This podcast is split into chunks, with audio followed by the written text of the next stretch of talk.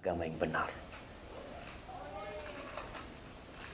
Jamaah rahimakumullah agar kita bisa mensyukuri nikmat diutusnya Nabi Muhammad sallallahu alaihi wasallam.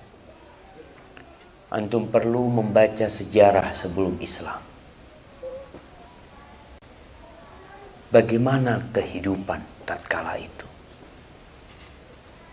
Bagaimana orang-orang jahiliyah yang hidup di kota Mekah?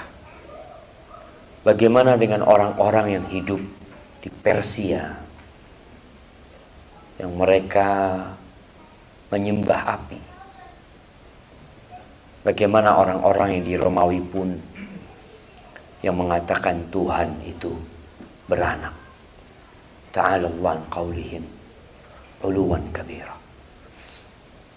Itu dari sisi akidah. Dari sisi muamalat kita bisa melihat bagaimana dizoliminya para wanita. Bahkan Allah mengatakan wa idzal mau'udatu su'ilat bi ayyi dzambin qutilat. Tatkala bayi-bayi wanita yang dikubur hidup-hidup itu ditanya. Karena dosa apa mereka harus dikubur hidup-hidup? Wanita tidak dihargai. Seorang ayah yang meninggal dunia meninggalkan istri. Itu sama anaknya tersebarnya di kalangan jahiliyah dengan diutusnya Nabi Muhammad wasallam semua itu jadi hilang. Sehingga kita bisa duduk sama. Tidak ada perbedaan di antara kita. Kullukum min Adam wa Adam min turab. Semua kalian dari Adam dan Adam dari tanah. Maka hendaklah sekali-kali kita membaca masa jahiliyah agar antum bisa terus mengucapkan alhamdulillah atas nikmat hidayah yang Allah berikan kepada kita. Allahumma salli wa sallim ala sayyidina Muhammadin wa ala alihi wa ashabihi ajma'in. Ya Allah, semoga salawat dan salam senantiasa engkau curahkan, engkau tambahkan untuk hamba kekasihmu untuk baginda Nabi kita Muhammad sallallahu alaihi wasallam. Ingat hari ini hari Jumat. Hari yang paling mulia. Jumat pertama di bulan Ramadan. Di mana kita diperintahkan untuk banyak-banyak bersolawat buat Nabi alaihi salatu wassalam. Manfaatkan waktu kita mulai saat ini setiap kali mendengar nama Nabi disebutkan basahi lidahmu, basahi bibirmu dengan mengatakan sallallahu alaihi wasallam.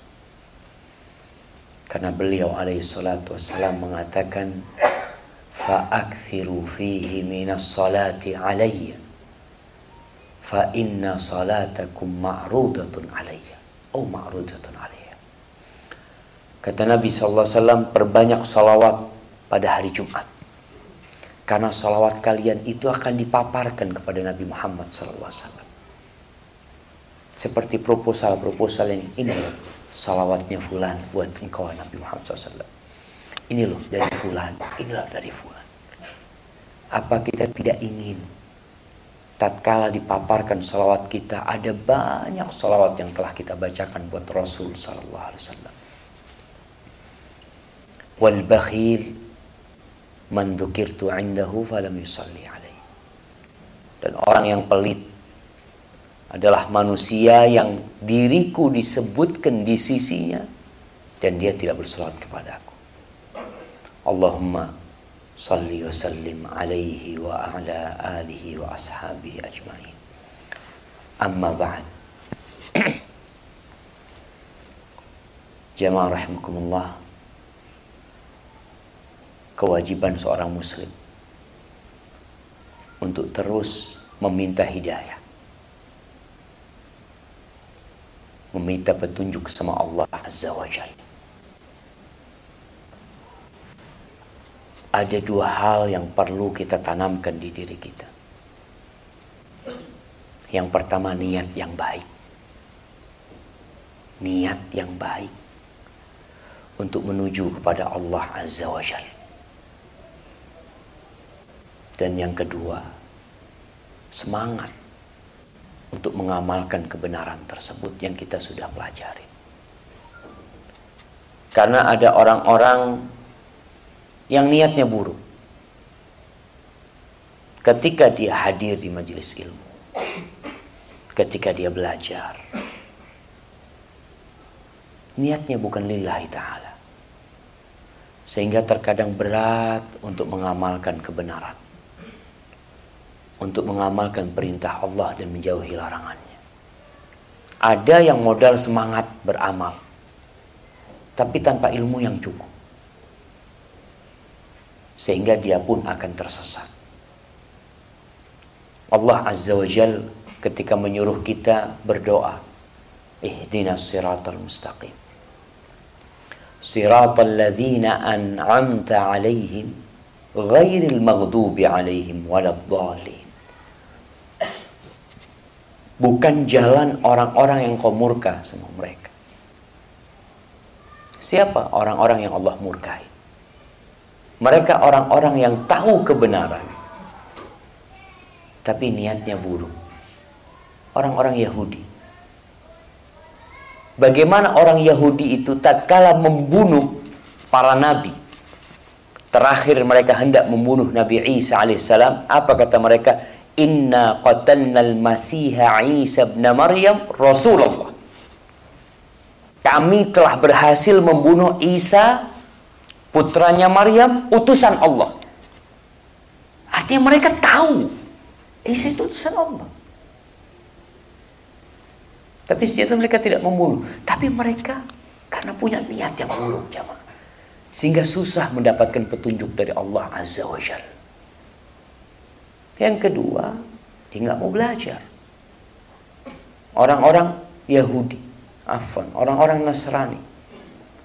Kalau antum membaca sejarah Nasrani, bagaimana rusaknya agama tauhid itu menjadi agama syirik.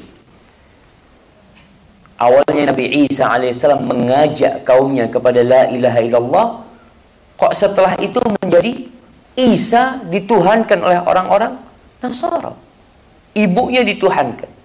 Ada yang menuhankan ruh al-Qudus. Itu perjalanan panjang sekali. Mereka pernah mengadakan konferensi pada tahun 324 atau 25 di Nikia di Turki sana. Pada waktu itu di bawah kekuasaan Konstantinopel. Itu kaisar Konstantin itu mengumpulkan orang-orang Nasrani untuk merusak agama tersebut. Karena sudah terpecah belah orang-orang Nasrani. Ada yang mengatakan Tuhan itu tiga, tapi tetap ada yang mentauhidkan Allah Azza wa Jal.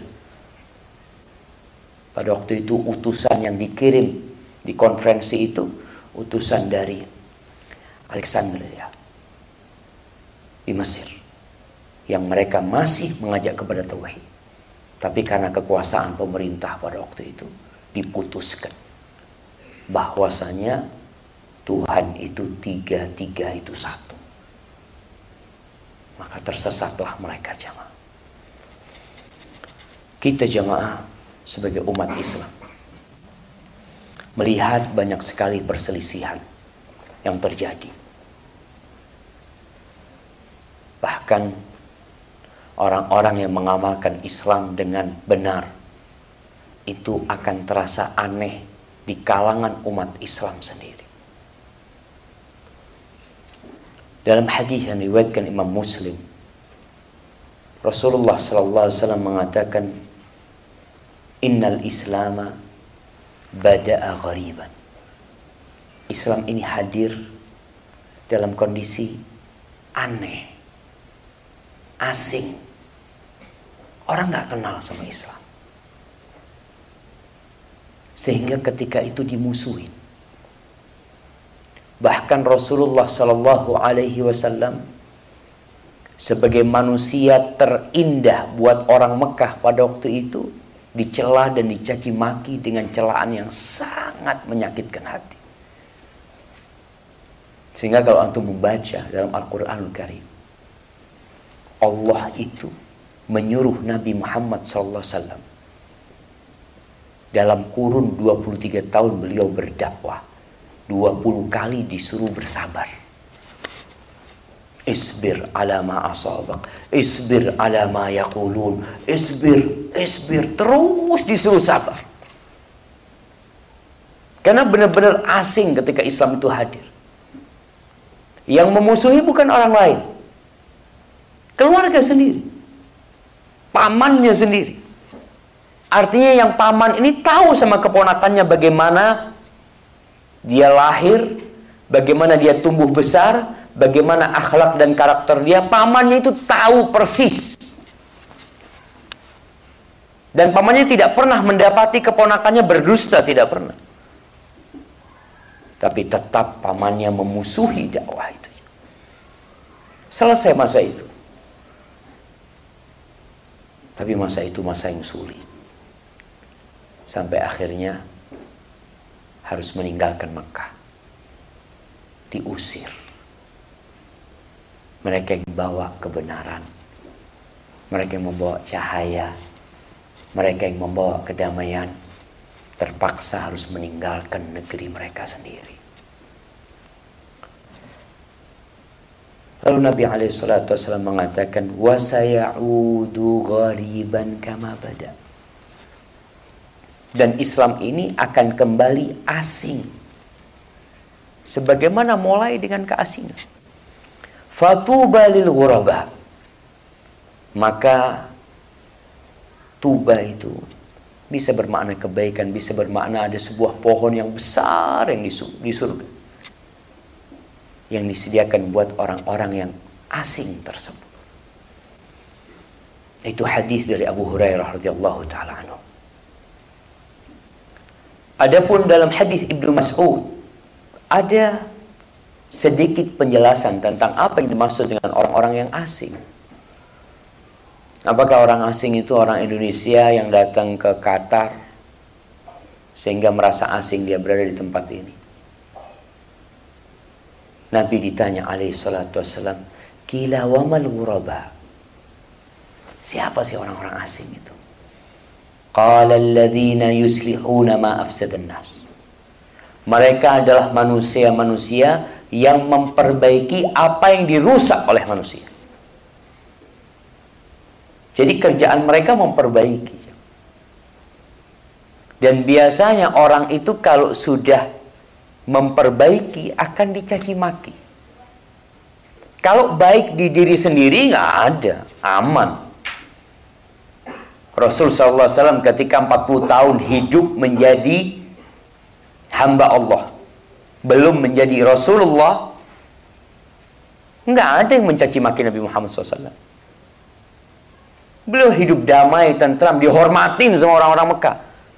Peristiwa peletakan Hajar Aswad menjadi bukti bagaimana penduduk Mekah itu semuanya senang sama Nabi Muhammad SAW. Tapi ketika beliau berusaha memperbaiki antum kalau di kantor di perusahaan antum sholat lima waktu sholat ngaji antum kayaknya nggak akan diganggu sama teman-teman antum nggak akan dicaci maki. Tapi kalau antum sudah ngajak orang lain mulai. Antum ngomong mas sudah azan mas. Yuk ke masjid mulai orang itu akan berubah sama antum oleh karena itu diperintahkan untuk bersabar. Dalam riwayat Abdullah bin Amr bin As, annahu qala unasun salihun yang dimaksud dengan orang-orang asing adalah orang-orang yang soleh fi unasin kathir man ya'sihim.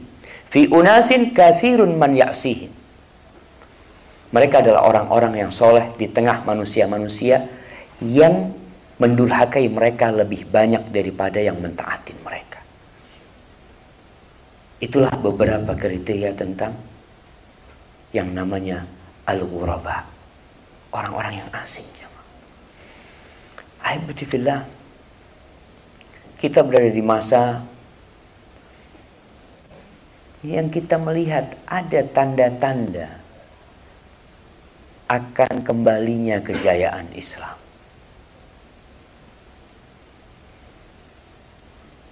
Tapi kita juga melihat tanda-tanda kehancuran umat Islam. Rasulullah sallallahu alaihi wasallam beliau pernah mengatakan idza tabayatum bil aina kalau sistem perdagangan kalian itu al-aina Ina itu riba yang terselubung artinya masyarakatnya ngerti agama sehingga mereka tidak berani melakukan riba terang-terangan mereka berhilah bersiasat supaya muamalahnya itu halal. Wa akhadtum adnabal baqar. Dan kalian sibuk dengan ekor-ekor sapi kalian. Wa raditum bizzara. Kalian berada di titik yang merasa aman dengan pertanian kalian, hidup nyaman maksudnya. Wa taraktumul jihad dan kalian meninggalkan jihad, apa yang akan terjadi? Sallallahu alaikum zullan. Allah akan menimpakan kepada kalian kehinaan. Hina kalian. Wallahi jamaah. Ada sebagian kita itu yang sudah berada di titik aman dalam dunia dia. Dia tidak mau posisinya terganggu. Maka dia mengamankan kursi dia, dia mengamankan jabatan dia, dia mengamankan kekayaan dia dengan cara mengabaikan agama ini. Segala cara dia tempuh untuk mendapatkan kekayaan dia umpamanya. Maka Allah akan menimpakan kalian jadi hina walaupun kaya raya. Walaupun mobil kalian bagus. Walaupun banyak rumah kalian, kalian akan hina. Kehinaan itu adalah hukuman yang Allah berikan. Kemudian, kapan kehinaan itu dicabut? Sehingga umat Islam bisa hidup dihormati, dihargai. Antum coba baca sejarah, wallahi jamaah. Para ulama itu menganjurkan kita untuk membaca sejarah. Bagaimana Abu Hanifah mengajarkan kepada murid-muridnya Kalian itu baca sejarah yang lalu, sejarah Nabi kalian ya. Di situ ada kejayaan kalian. Supaya bisa membandingkan yang sekarang dan yang lalu. Sehingga dia tidak tertipu dua kali. Kayak orang yang di Indonesia, dia perlu membaca sejarah Belanda. Apa yang dilakukan Belanda di Indonesia? 350 tahun kita dijajah. Kita jadi bodoh sehingga kita bisa bangkit kembali untuk jadi lebih baik. Maka kalau antum baca sejarah yang lalu bagaimana umat Islam itu dihormatin oleh raja-raja Romawi. Bagaimana sahabat Nabi dengan pakaian yang biasa. Antum kalau tahu Al-Mughirah bin Syu'bah ketika berjumpa dengan Rustum atau berjumpa dengan pemimpin komandan Romawi pada waktu itu dengan pakaian yang compang-camping. Bahkan Rib'i bin Amir, sahabat Nabi ini, ketika dia berjumpa dengan Rustum, pedangnya dia itu nggak ada sarung pedangnya aja. Dibungkus sama kain. Itu ketika dia datang. Itu orang-orang Persia mengatakan betapa hormatnya orang ini atau terhormatnya orang ini dalam kondisi yang pakaiannya biasa-biasa saja. Maka Umar Khattab mengatakan, "Nahnu qaumun a'azzana Allah bil Islam." Famahma btaghaina al-izzata fi ghairihi Allah. Kita ini kaum yang dimuliakan, yang dihormatin karena Islam. Bukan karena kekayaan, bukan karena kekuasaan, sama sekali bukan karena itu. Kalau kita cari kehormatan di selain Islam, Allah akan menghinakan kita. Antum berpikir dengan antum punya mobil yang satu-satunya di kota antum, antum akan dihormati. Antum jadi pejabat, jadi orang pertama antum dihormati. Tidak. Maka yang Rasul SAW mengatakan Allah akan menimpakan kepada kalian kehinaan sampai kapan? Hatta tarji'u ila dinikum. Sampai kalian kembali kepada agama kalian. Nah, kita kan sudah Islam Ustaz. Kita semuanya muslim. Ahibatifillah, agama yang seperti apa? Kita melihat banyak pemahaman yang berbeda. Semua mengklaim kebenaran bersama dengan dia. Ada banyak torikot-torikot. Berbagai macam di dunia ini. Ada banyak sekte-sekte. Yang kalau kita lihat di Indonesia, sekte-sekte itu terus muncul. Mungkin tiap tahun muncul sekte-sekte baru. liberal. Mereka punya konsep yang baru bagaimana memajukan Islam. Supaya umat Islam ini terhormat di kancah internasional kita berikan Islam yang yang liberal yang memberikan hak sama kepada semua manusia memberikan kebebasan kepada semuanya. Subhanallah. Kok bisa dia mau mengganti Islamnya Rasul sallallahu alaihi wasallam dengan Islam baru Rame lagi di Indonesia konsep dulu ada Islam namanya Islam emansipatoris. Bikin lagi. Mereka ingin menawarkan Islam yang berbeda lagi kepada dunia. Terakhir mereka ingin menawarkan Islam Nusantara momennya sekarang. Dengan konsep yang mereka bikin macam-macam. Islam yang mana? Rasul SAW mengatakan, kalian tidak akan pernah terhormat Kehinaan tidak akan dicabut dari kalian kecuali dengan satu syarat. Kalian kembali kepada agama kalian. Terus yang mana agamanya? Kadang-kadang kita jadi bingung. Kita baru belajar kok malah bingung Ustaz. Anak dulu nggak belajar, Alhamdulillah aman-aman aja. Sekarang tambah belajar, ada katanya Ustaz Fulan halal, katanya Fulan haram Ustaz. Maka di sini kita diperintahkan untuk minta petunjuk sama Allah Azza wa Jalla. Nabi ajak doanya ihdini limakhtulifa fihi minal haq. Innaka tahdi man ila siratim mustaqim. Ya Allah berikan kepada aku petunjuk atas apa yang mereka perselisihkan. Agar aku tahu mana yang benar. Engkau yang memberikan petunjuk kepada jalan yang lurus. Ahibati fillah Rasul sallallahu alaihi wasallam menjelaskan bahwasanya umat ini akan berpecah belah menjadi 73 golongan. Kulluha finnar. Semuanya di neraka. Kecuali satu.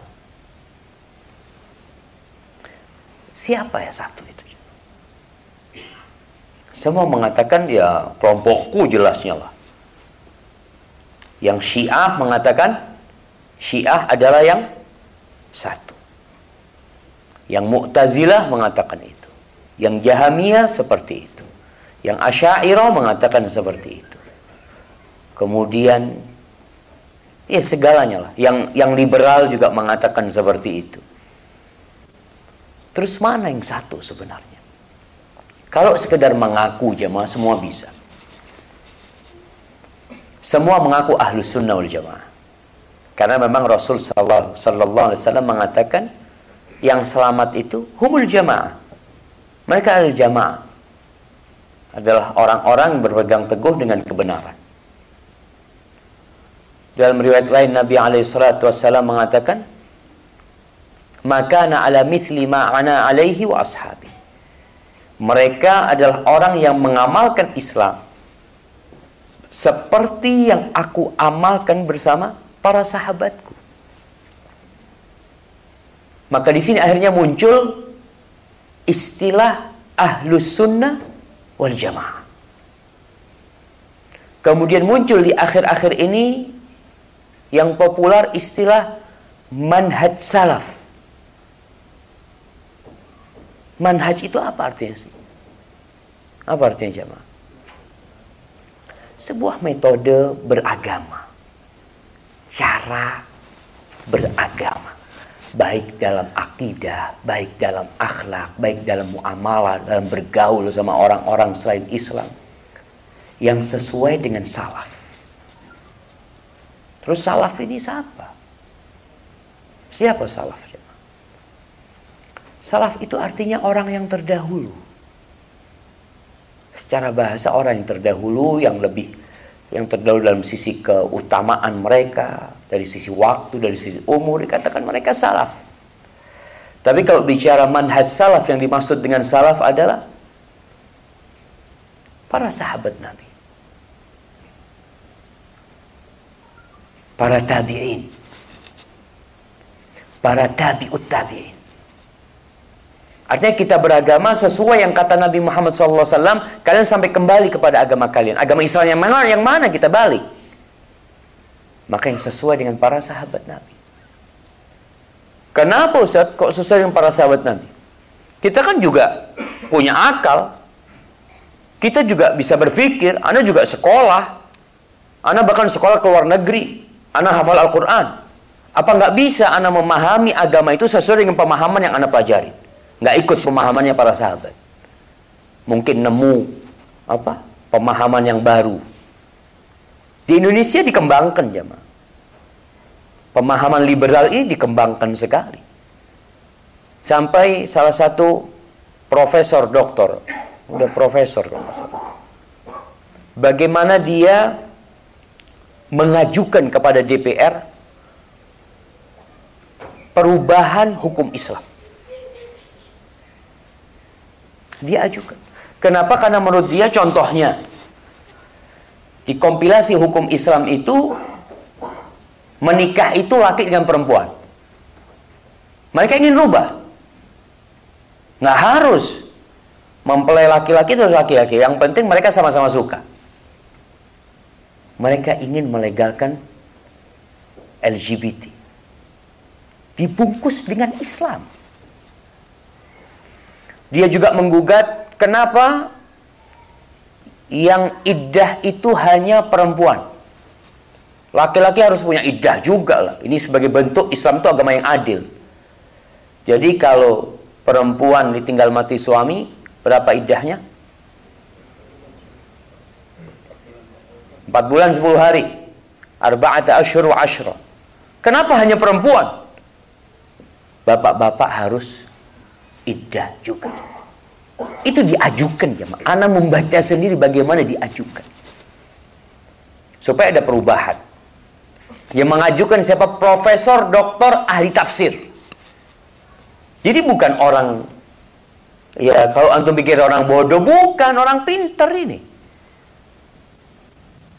Mungkin secara bahkan dia berulang kali mendapatkan Nobel orang ini sebagai wanita terberani di dunia dari Indonesia tuh bayangkan karena ingin mengotak-atik urusan agama ini yang sesuai dengan keinginan mereka. Maka tadi kita bicarakan kita memahami agama ini dengan pemahaman salaf. Siapa salaf itu? Tadi para sahabat Nabi. Mereka itu yang mendengar langsung Al-Quran dibacakan mereka melihat langsung bagaimana Rasulullah Sallallahu Alaihi ketika memerintahkan sesuatu, pengamalannya seperti apa gitu. Karena ada ustadz-ustadz yang muncul mengatakan kalau riba di bank itu nggak apa-apa, kan sedikit cuma berapa persen.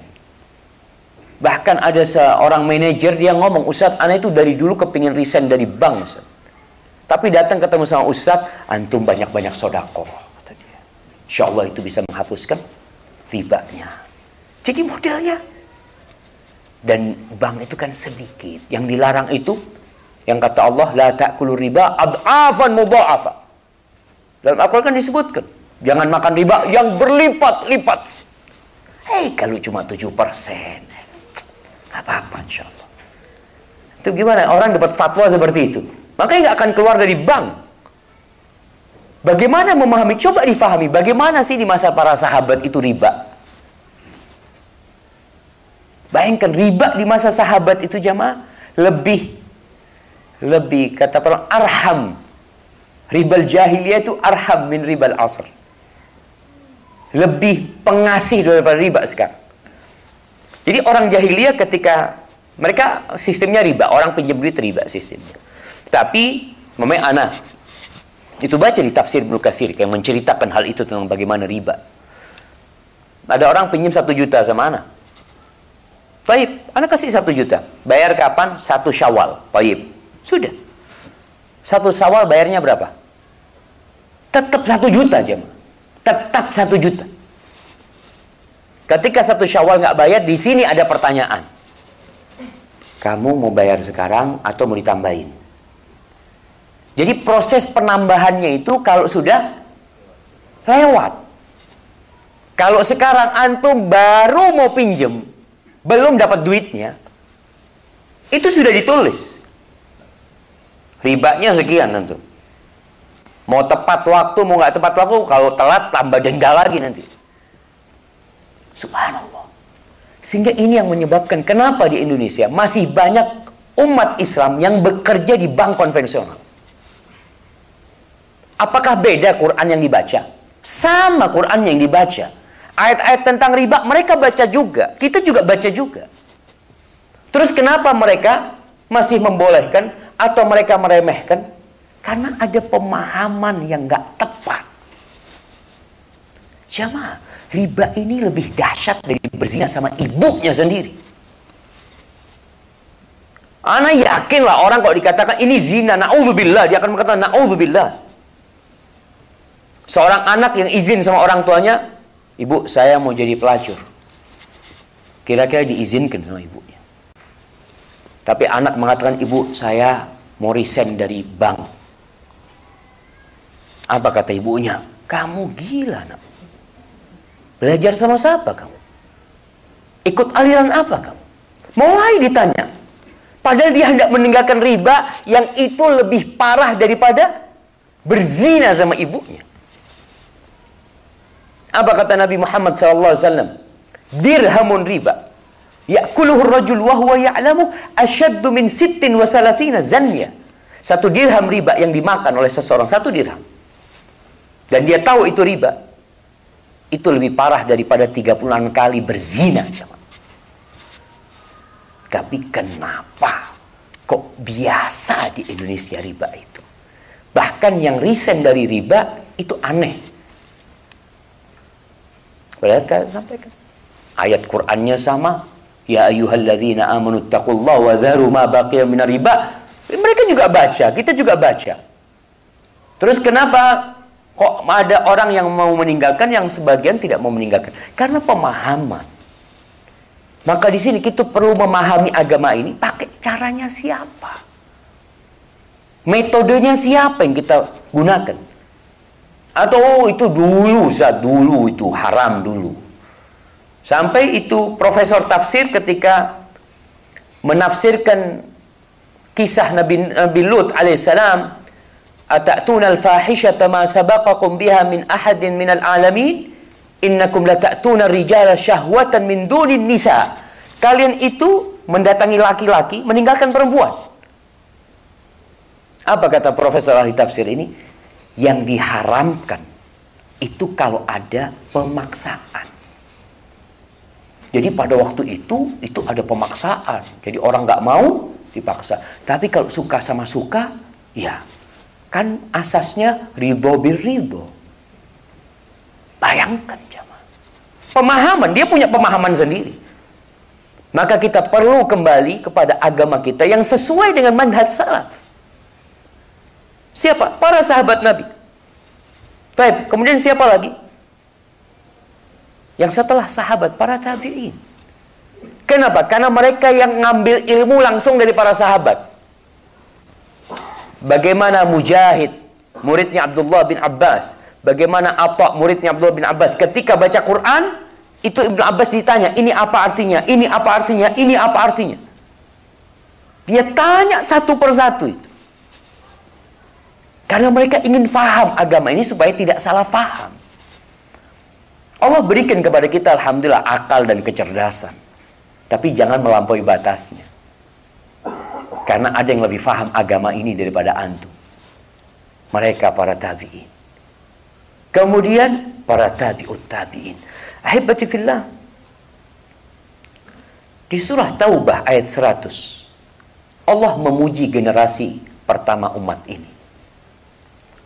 Allah mengatakan wasabiqunal awwalun minal muhajirin wal ansar walladzina tabauhum bi ihsanin radhiyallahu anhum wa radu'an.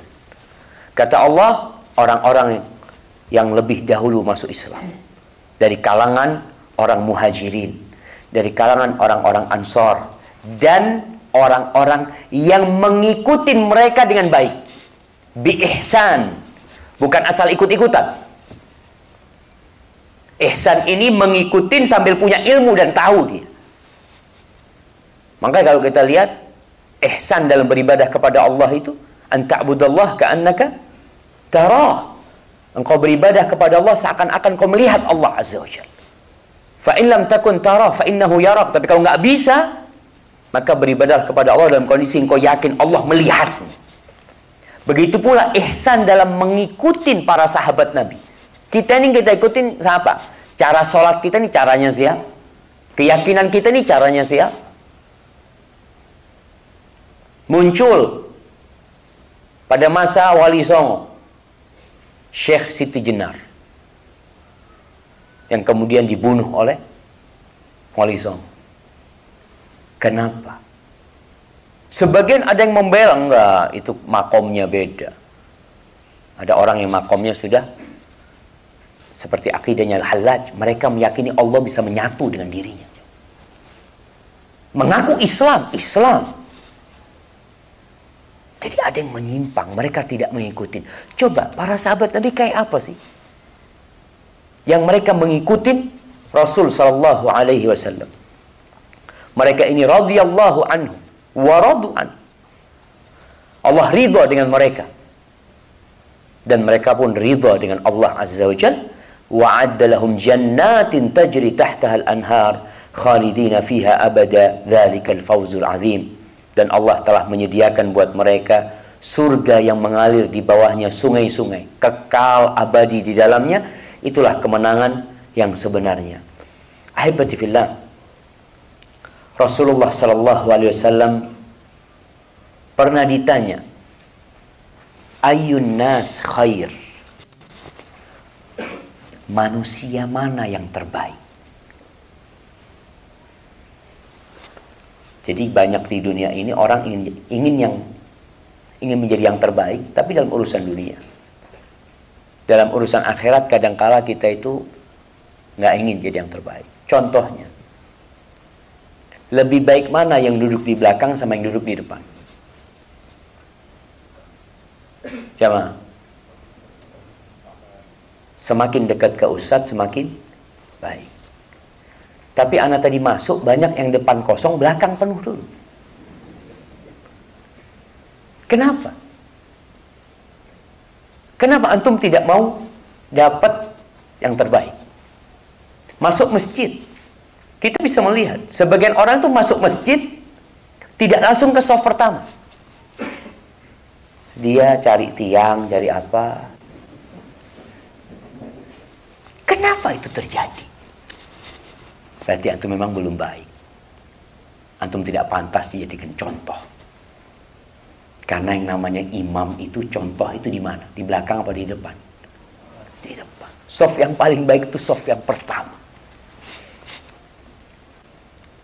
Kenapa? Karena nggak terlalu penting buat kita soft pertama. Tapi kalau di soft pertama, yang soft pertama dapat fulus seribu real, insya Allah nggak ada yang di belakang. Semuanya di depan. Rasul SAW ditanya, ini hadis diriwayatkan Ibnu Mas'ud, Imran bin Husain, Ja'dah bin Hubairah wa Abu Hurairah bin Umar wa Aisyah dari Nabi Muhammad SAW beliau ditanya ayun nasi khair manusia mana yang terbaik? Qala qarni. Generasiku. Thumma alladhina yalunahum. Kemudian generasi yang selanjutnya thumma alladhina yalunahum. Kemudian generasi yang sesudah. Generasi para sahabat. Para ulama menjelaskan ya diambil pertengahan generasi tersebut berakhir pada masanya Ali bin Abi Thalib kira-kira. Setelah Ali meninggal jadi khalifah. Kemudian generasi tabi'in itu sampai masanya sahabat-sahabat kecil yang meninggal dunia.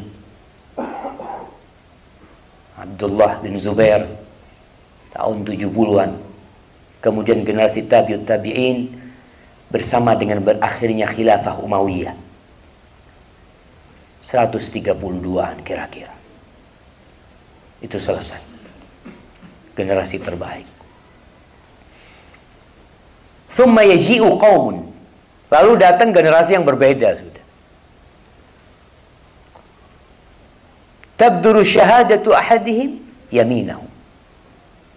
Orang itu nggak diminta untuk kesaksian, dia mau bersaksi dulu. Wa tabdur yaminuhu syahadatu. Kadang-kadang dia sumpah dulu nggak diminta untuk bersaksi, dia sudah bersumpah dulu. Artinya orang sudah nggak peduli lagi dalam urusan agama. Muncul generasi yang sibuk dengan dunia mereka.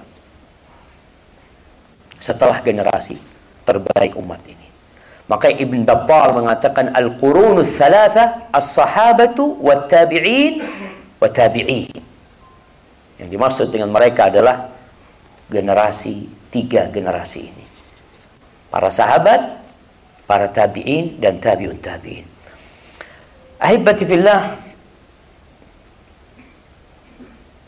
Penggunaan kalimat salaf ini sebenarnya sudah dipakai dari zaman dulu. Kalau kita membaca Sahih Bukhari. Imam Bukhari itu membuat satu bab dalam kitabnya bab ar-rukub 'ala daba as-sa'ba wal fuhula.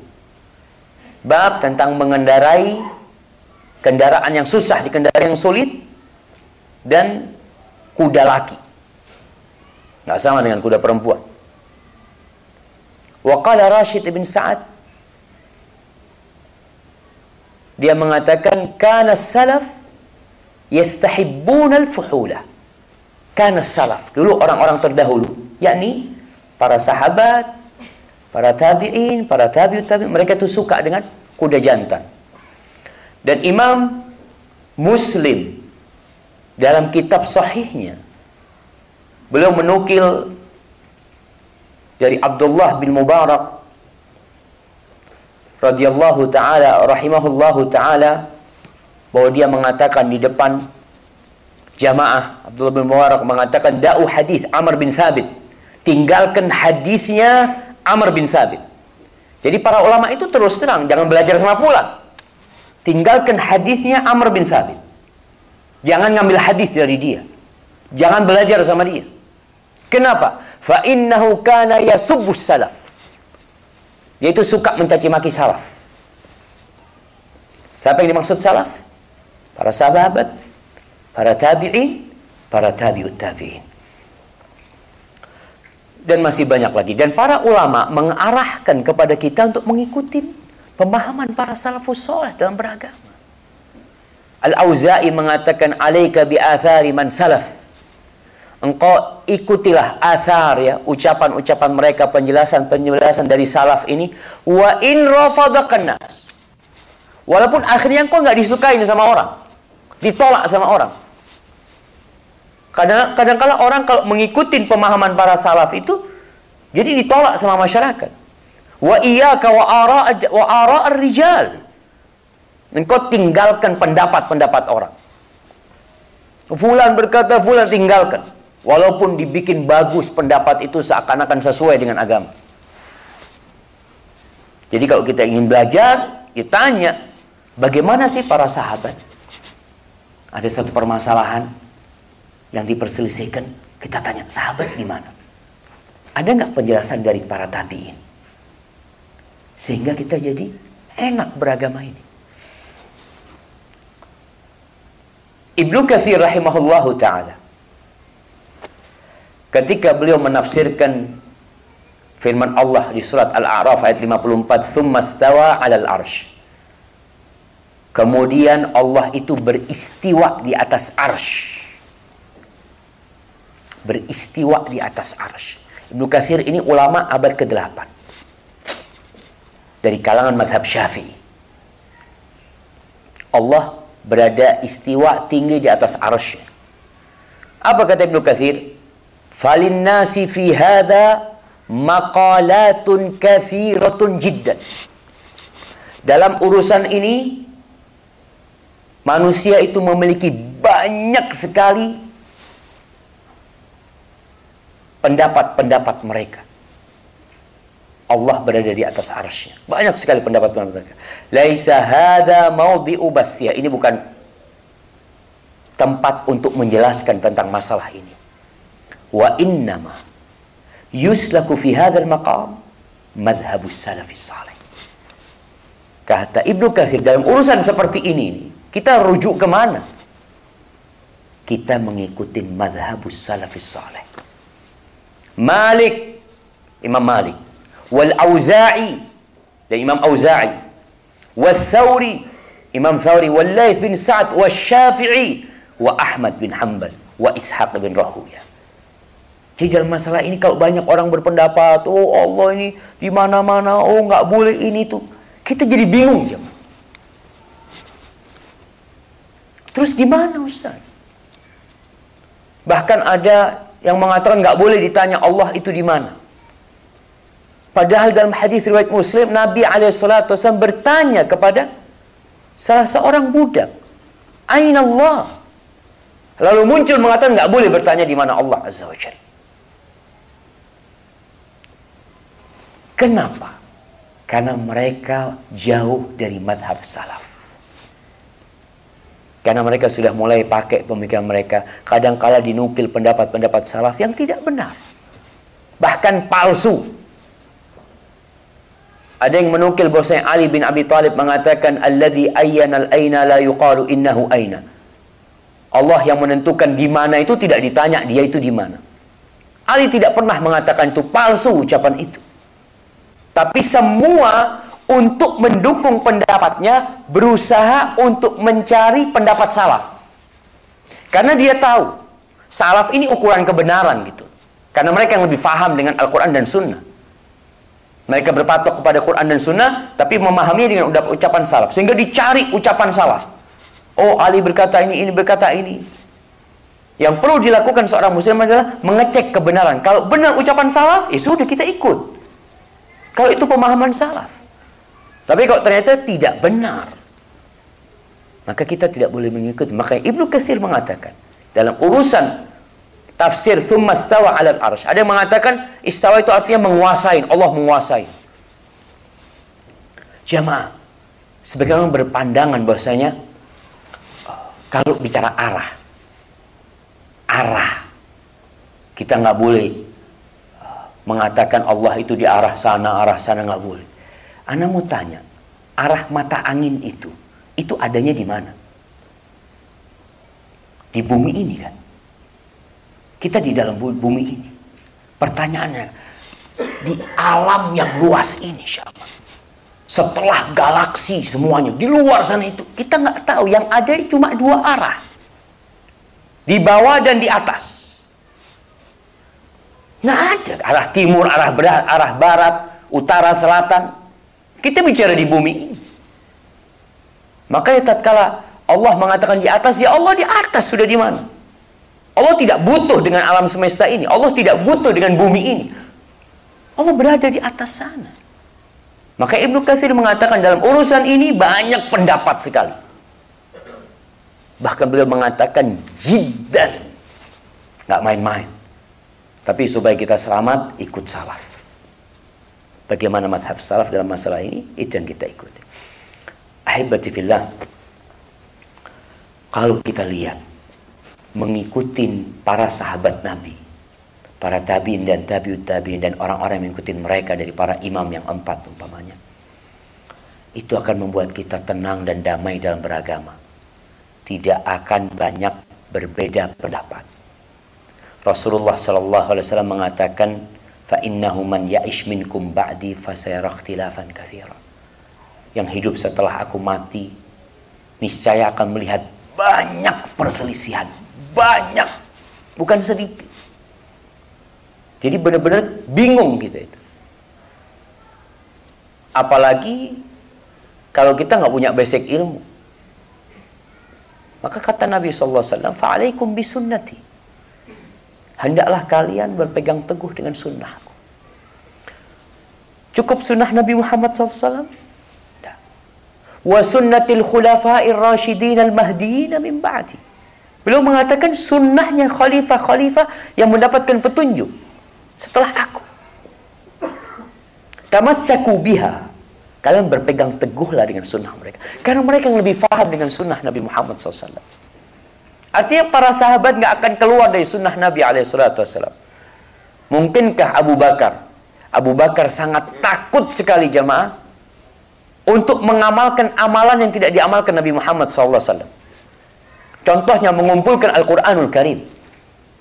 Mengumpulkan Al-Quranul Karim. Awalnya Quran itu tidak jadi satu mushaf. Maka Umar Khattab, coba kata dia, engkau kumpulkan. Ini baik kata dia. Urusannya bukan dalam urusan ibadah ini. Sarana untuk menjaga kitabullah. Akhirnya Abu Bakar melakukan itu. Di kesempatan lain Abu Bakar Siddiq menolak pendapat para sahabat. Ketika beliau jadi khalifah, datang Umar bin Khattab, datang sahabat yang lain mengatakan, Wahai Amirul Mukminin, waktu itu mau mengirim pasukan Nabi SAW meninggal dunia, ada sebuah pasukan dalam pimpinan Usama bin Zaid yang sudah dipersiapkan untuk berangkat ke Romawi. Ke Tabuk sana ke arah Mu'tah. Setelah meninggal Nabi Muhammad SAW, banyak yang murtad. Kobilah-kobilah Arab itu murtad. Dan jumlahnya tidak sedikit. Akhirnya para sahabat berinisiatif gimana kalau engkau tahan dulu. Pasukan itu jangan dikirim. Kita perangi dulu orang-orang yang murtad ini. Apa kata Abu Bakar? Oh, engkau mau menjadikan awal yang aku kerjakan setelah meninggalnya Nabi Muhammad SAW adalah menyelisihi perintah beliau. Beliau yang mau memberangkatkan itu lalu aku gagalkan kata dia. Tetap berangkat nggak bisa ditahan lagi. Akhirnya mereka usul gini aja, nggak apa-apa pasukan berangkat, tapi komandannya diganti. Karena Usama umurnya nggak sampai 20 tahun waktu itu zaman. Jadi panglima perang. Diganti karena dia masih muda kata dia. Kata Abu Bakar. Nabi SAW yang menaruh dia di posisi itu, aku yang nurunkan dia kata dia. Berangkat. Subhanallah. Seperti itu mereka mengamalkan perintah Nabi Muhammad wasallam. Mereka jaga. Jadi kalau bicara para khulafaur rasyidin mereka adalah orang yang paling mengamalkan sunnah Nabi Muhammad wasallam. Pegang. Jangan cuma dipegang. Kita ini kadang-kadang berpegang teguh dengan agama itu kalau cocok sama kita jangan. Apa yang dicocok oleh bapak-bapak? Fankihu ma tabalakum minan nisa masna wa thulatha wa ruba. Allah, ini ayat cocok. Anak akan berpegang teguh. Anak gigit sampai mati. Bukan cuma urusan itu. Kita ini berpegang teguh dengan agama. Yang kita sukai, yang kita benci, kita pegang. Aduh, anak berat. Laksanakan. Jadi jangan sampai jamaah kita memilih-milih agama ini. Oh, anak urusan poligami anak terima Ustaz. Anak terima, Alhamdulillah. Terus urusan apa ya? Berat buat bapak-bapak. Sholat berjamaah ke masjid, aduh anak sholat di rumah aja loh Ustaz. Itu yang ke masjid yang mau masuk surga lah. Emang itu gak mau masuk surga? Kan sebagian orang, subhanallah. Maka ingat, Nabi SAW menyuruh kita untuk berpegang teguh dengan sunnah Nabi, dengan sunnahnya khulafa, pegang gigit dengan gigi geraham kalian wa iyyakum muhdatsatil umur. Kalian hati-hati dengan perkara-perkara yang baru dalam urusan agama. Fa inna kulla muhdatsatin bid'ah wa kulla bid'atin dhalalah. Semua yang baru dalam urusan ibadah dan urusan agama itu disebut bid'ah. Dan semua bid'ah itu sesat kata Nabi Muhammad SAW. Kita jemaah kalau bicara bid'ah ribut lagi sama orang-orang. Ustaz, Menurut Ustadz kan bid'ah. Tapi menurut Ustaz Fulan bid'ah hasanah Ustaz. Gak apa-apa kata dia. Udah, berarti kan kita udah ribut. Kita udah khilaf. Solusinya apa? Kembali kepada sunnah Nabi Muhammad SAW. Kembali kepada para sahabat. Sudah daripada ribut, kita ini saudara.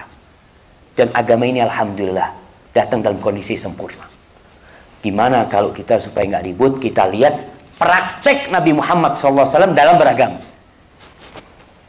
Praktek para sahabat Nabi gimana? Kalau mereka tidak melakukan ya sudahlah, daripada kita ribut. Antum sama Ana ini kan menunjukkan masalah ini bisa jadi benar, bisa jadi salah. Menurut antum benar, menurut sebagian orang salah. Maka lebih baik apa yang kita lakukan? Tinggalkan sudah. Sudah tinggalkan, berarti kan kita saudara tetap. Itu kata Nabi Muhammad SAW untuk menghindari perselisihan. Kalau tidak perselisihan itu semakin besar. Di surah Al-Baqarah ayat 13. Orang-orang munafik ingat apakah semua yang hadir di tempat ini muslim semuanya? Mukmin semuanya. Siapa yang jamin? Di masa Rasul sallallahu alaihi wasallam yang jadi makmumnya Nabi Muhammad SAW itu munafik. Bahkan orangnya kata Allah, wa idza ra'aitahum tu'jibuka ajsamuhum. Kalau kau melihat mereka, Allahu Akbar. Kayak orang soleh, orang yang baik, Masya Allah. Wa iyaqulu tasma' liqawlihim. Kalau mereka ngomong, engkau akan dengarkan. Bagus omongannya, jemaah. Itu orang munafik. Jadi Nabi SAW ceramah di antara soft-soft itu ada yang munafik. Pura-pura beriman. Maka di surah Al-Baqarah ayat 13 ini, surah Madaniyah yang turun di Madinah, Allah menceritakan sifat orang munafik ini wa idza qila lahum aminu kama amanan nas. Kau dikatakan kepada mereka, kalian berimanlah seperti berimannya manusia. Manusia siapa yang dimaksud? Siapa yang beriman pada waktu itu? Para sahabat Nabi. Kalian berimanlah seperti berimannya para sahabat Nabi. Apa kata orang munafik? Qalu anu'minu kama amana sufaha. Apakah kita disuruh beriman seperti berimannya orang-orang bodoh?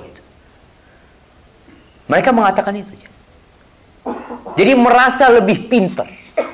Disuruh mengikuti para sahabat gak mau. Jangan sampai kita seperti itu.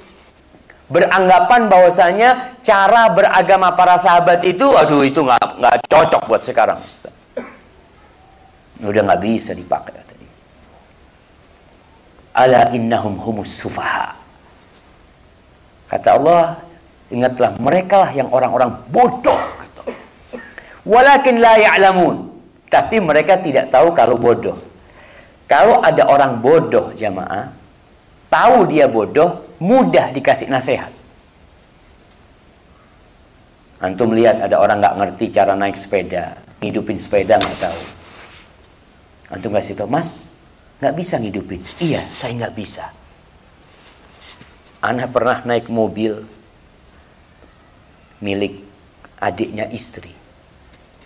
Ya kita biasa pakai mobil kuno cuma Masuk mobil yang nggak ada kuncinya cuma. Anak dikasih kunci anak ngomong dimasukkan ke mana? Ya. Allah. Anak coba-coba nggak berhasil. Anak malu mau tanya jangan tapi nggak bisa sudah. Anak keluar ini gimana ngidupin? Ngomong. Anak tahu bodoh. Jadi kalau orang bodoh dikasih tahu insya Allah ini caranya. Oh ya betul bisa itu maka Allah katakan tentang orang munafikin, ala innahum humus sufa, mereka orang-orang yang bodoh, walakin la ya'lamun, tapi mereka enggak tahu bodoh. Itu banyak di antara kita. Antum kalau ketemu orang kayak gini di perusahaan, gimana sih? Ada orang antum kasih tahu urusan uh, ya ngidupin apa? Mas, bukan kayak gitu. Anda sudah tahu. Anda sudah tahu. Anda ini juga engineer sama kayak antum. Insyaallah ini orang baru. Ada yang sombong jemaah. Pernah ketemu nggak? Dalam urusan agama lebih banyak. Kita tuh kalau urusan ya dunia, kita tahulah kita bukan dokter. Kalau lagi ngobrol kemudian ada dokter, kita biasanya akan diem. Nggak enak ada dokter. Tapi kalau bicara agama, kita akan ikut. Oh, anak-anak paham, anak muslim juga. Ikut ngobrol juga. Padahal seharusnya ketika tidak paham itu, dengarkan. Kalau memang ada yang ingin ditanyakan, silahkan ditanyakan. Kemudian di surat Al-Baqarah juga ayat 137. Allah mengatakan tentang orang-orang Yahudi, Nasrani, musyrikin. Bagaimana supaya mereka selamat dari kesesatan itu? Kata Allah, "Fa in amanu bimithli ma amantum bihi faqad ihtadaw." Kalau mereka itu beriman sama persis seperti keimanan kalian, maka mereka telah mendapatkan petunjuk. Jadi kalau bicara tadi kita manhaj salaf ini kita berusaha berusaha untuk mendekati para sahabat Nabi dalam memahami agama ini. Beriman seperti keimanan mereka. Antum kalau ngelihat bagaimana keimanan para sahabat Nabi, Allahu Akbar. Itu Rasul sallallahu alaihi wasallam mengatakan pernah sholat Jumat atau beliau sedang di masjid di atas mimbarnya beliau mengatakan kepada para sahabat ijlisu semuanya duduk Abu Mas'ud masih di luar masjid ya duduk dia aja katanya Nabi kenapa engkau duduk di sana? Kata dia. Maksudnya yang duduk itu yang mana? Yang di dalam. Yang di luar ya masuk duduk gitu kan. Kata Abu Mas'ud aku dengar engkau ngomong duduk. Aku duduk. Sampai seperti itu mereka. Nggak banyak bertanya mereka. Makanya kalau dilihat pertanyaan para sahabat itu nggak banyak. Bahkan yang disebutkan dalam Al-Quran kan itu hanya 13 pertanyaan. Dan semua pertanyaan itu ada manfaatnya. Nggak seperti pertanyaannya orang-orang Yahudi. Antum bisa lihat orang Yahudi tanyanya apa? Suruh sembelih sapi, warnanya apa sapinya? Astagfirullah. Tapi beriman seperti berimannya para sahabat. Wa in tawallaw fa innamahum fi syiqaq. Ya, kalau mereka berpaling tidak mau, maka mereka akan berada dalam pertikaian. Dan kita pun kalau nggak mau beriman seperti berimannya para sahabat Nabi, kita akan terus bertikai. Kita tidak akan pernah damai. Dan memang ya sudah takdir Allah Azza wa Jal bahwasanya umat ini akan terus berpecah belah. Tugas kita adalah memilih untuk menjadi yang terbaik di antara mereka. Jamaah rahimakumullah di surat An-Nisa ayat 115 Allah mengatakan wa man yushaqiqir rasul min ba'di ma tabayyana lahul huda sabilil mu'minin nuwallihi ma tawalla wa nuslihi jahannam wa sa'at masir kata Allah barang siapa yang menentang rasul setelah nampak bagi dia petunjuk kasih tahu ini loh sunnah Nabi Muhammad SAW ini loh ajaran Nabi Muhammad SAW menentang nggak mau ikut Nabi Muhammad SAW ghaira sabilil mu'minin dan dia mengikuti jalan selain jalan orang-orang beriman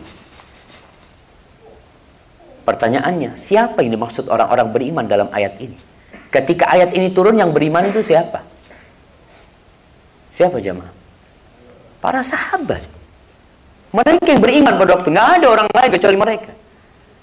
Jadi barang siapa yang menentang Nabi Muhammad SAW, kemudian mengikuti selain jalannya orang-orang yang beriman, nuwallihi ma tawalla. Kita akan palingkan dia di mana dia mau untuk berpaling. Dengan kelompoknya, dengan sektenya, sudah ke mana dia mau silahkan. Wa nuslihi jahannam. Tapi kami akan masukkan dia ke neraka jahannam. Kata. Wa sa'at masirah itu seburuk-buruknya tempat kembali. Maka jangan sampai kalau kita mendengar hadis, kalau kita nggak paham tanya, apa sih maksudnya hadis ini? Tapi kita harus beriman dengan semua yang disampaikan oleh Nabi Muhammad SAW. Ahibati fillah, Hudzaifah ibn Yaman, salah seorang sahabat Nabi yang dikenal menyimpan rahasia Nabi Muhammad SAW.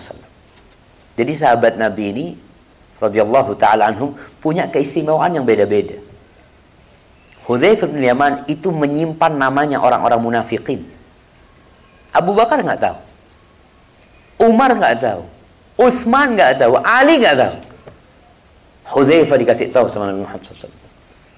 Setelah Nabi meninggal dunia, Sallallahu Alaihi Abu Bakar itu datang jumpain Hudzaifah. Abu Bakar, eh afwan, Umar bin Khattab datang jumpain Hudzaifah. Apa kata Umar? Anshudukallah. Aku minta dengan nama Allah kepadamu. Asamani Rasulullah SAW. Apakah Nabi menyebut nama aku termasuk orang-orang munafik? Umar takut jemaah munafik. Antum pernah nggak dalam bayangan ya Allah anak ini munafik apa enggak? Sebagian anak kayaknya masuk surga duluan kayaknya. Wallahi sebagian jamaah merasa aman dari adab Allah Azza wa Jalla. Ini Hudzaifah bin Yaman dia mengatakan kana nas yas'aluna Rasulullah sallallahu alaihi wasallam anil khair. Di masa Nabi Muhammad SAW itu kebanyakan orang kalau tanya tanya tentang kebaikan.